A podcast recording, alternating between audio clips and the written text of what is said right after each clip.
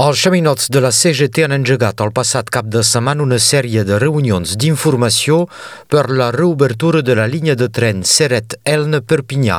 La línia tancada als viatgers des del 1940 necessitaria poques obres per ser operacional.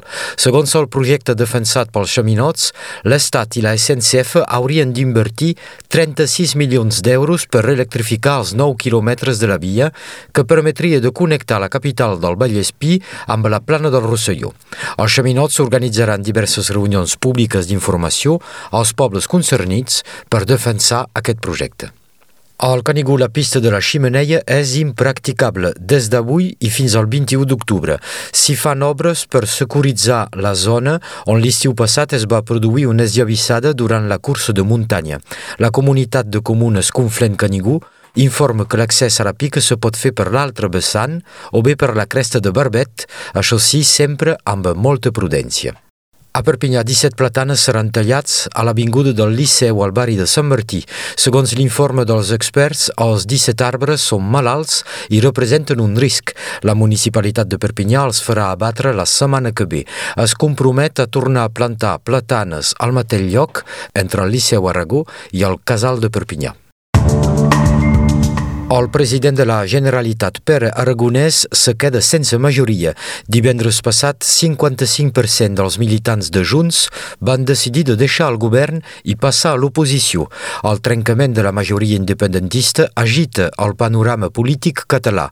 Ahir diumenge, Oriol Junqueras va descartar una coalició entre Esquerra Republicana i el Partit Socialista quan del seu ban el Partit Ciutadanos ha demanat noves eleccions. Mentrestant, Pere Aragonès Aragonès ha de recomposar els seus ministeris, els successors dels set antics consellers de Junts seran anunciats demà dimarts. Un nou canal per la televisió pública catalana. Des d'avui s'emet SX3, el nou projecte de canal infantil de la Corporació Catalana de Mitjans Audiovisuals. Ja feia mesos que els joves catalans eren privats de televisió en la seva llengua.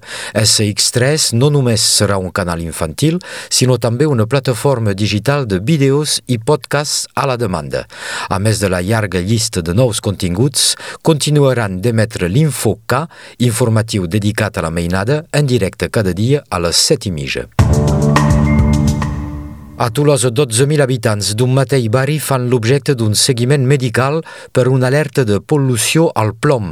Són veïns del barri de Fondeira, proper a l'antiga foneria STCM.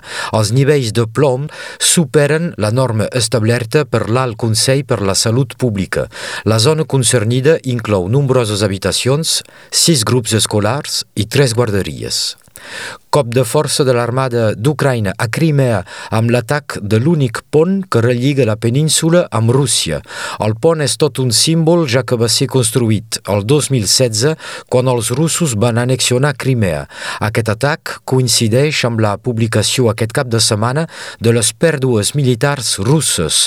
Amb detalls i proves fotogràfiques, el siti especialitzat Onyx anuncia que l'exèrcit rus ha perdut més de 2.000 vehicles blindats en els set mesos de combat.